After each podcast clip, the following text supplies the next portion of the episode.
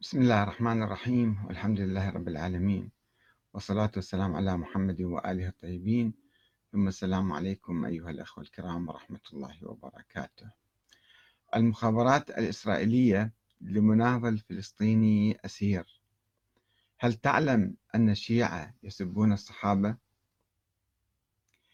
كشف المناضل الفلسطيني آه، الذي كان أسيرا وحرر بعد ذلك وهو آه، محمد بدر طالب صحافة وعلوم سياسية في جامعة بيرزيت.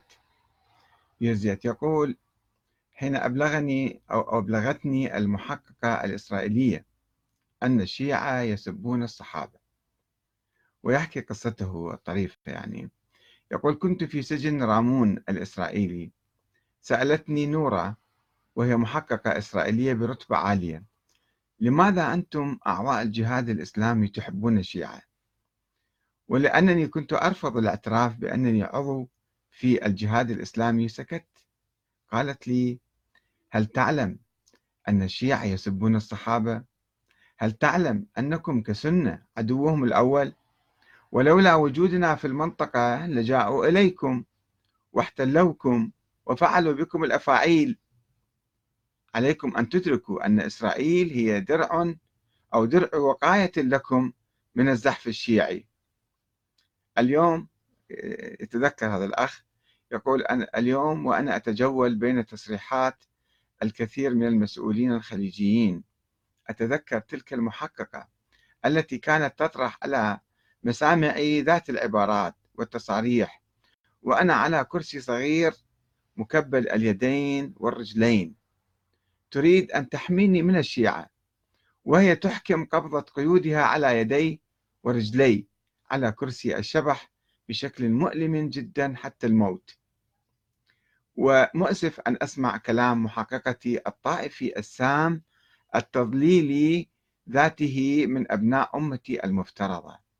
عرفتم الآن كيف ينشر الصهاينة ثقافة التفرقة من البوابة الطائفية؟ طبعا حتى هذا الناطق الرسمي بالجيش الإسرائيلي. أيضا كرر هالعبارات ودائما يوحي للمسلمين آه، عامة المسلمين أنه الشيعة كذا وكذا الشيعة مثلا يسبون الصحابة الشيعة يحاول أن يحدث تفرقة والسياسة الإسرائيلية الآن أصبحت مكشوفة وأصبحت صريحة. ولكن إذا عدنا للوراء منذ مثلا 30 سنة 40 سنة بعد الاحتلال آه، الإسرائيلي للبنان وقيام المقاومة الإسلامية في لبنان. إذا تذكرون أو واحد يراجع التاريخ ويشوف الموضوع كيف كان دائما يقولون في إعلامهم قام حزب الله الشيعي المدعوم من إيران بهذه العملية. كل عملية كانت تحدث هم كانوا يركزون على صفة الشيعي والمدعوم من إيران. حتى يحدث شرخ بين المسلمين عامة المسلمين بين العرب وبين المقاومة الإسلامية في لبنان بقيادة بقيادة حزب الله. ولذلك البعض كان يستجيب لهم. في الحقيقة مو يستجيب لهم أنه هناك كان تنسيق إعلامي. مثل ما كان الآن تكشف أنه تنسيق أمني وتنسيق عسكري. حتى قال ترامب بأن لولا السعودية لراحت إسرائيل. السعودية هي حامية إسرائيل. علنا بعد ما بقى شيء سري ولا بقى شيء يعني غير مكشوف. ف والآن الخطاب السعودي والخليجي أن إسرائيل صديقتنا ويرحبون فيهم ويرقصون لهم ويعزفون ويدقون على الطبول كما حدث في عمان وفي البحرين وفي سائر هذه البلاد الأنظمة. التابعة لإسرائيل والمؤيدة لها. آه، يعني سياستهم علنية صارت التحالف مع إسرائيل العلني موالاة أعداء الله ومعاداة أولياء الله. وهذا بمنطق السلفيين أو منطق محمد بن عبد الوهاب هذا كفر صريح. ولكن أتباع محمد محمد بن عبد الوهاب لا أدري لماذا يسكتون عن ذلك ويقلبون الأمور.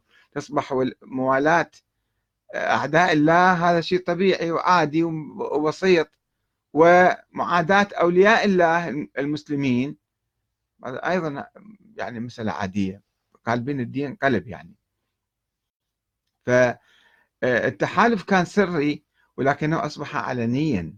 وإذا تذكرون في آه، عدوان 2006 أن الإعلام السعودي ومشايخ سعوديين أيضا أصدروا فتاوى بعدم جواز الدعاء لحزب الله والدعاء للمقاومة الإسلامية. وقت القصف وقت الحرب وقت العدوان هم يطلعون فتاوى أنه إيه حتى دعاء ما يصير تدعوا لهم.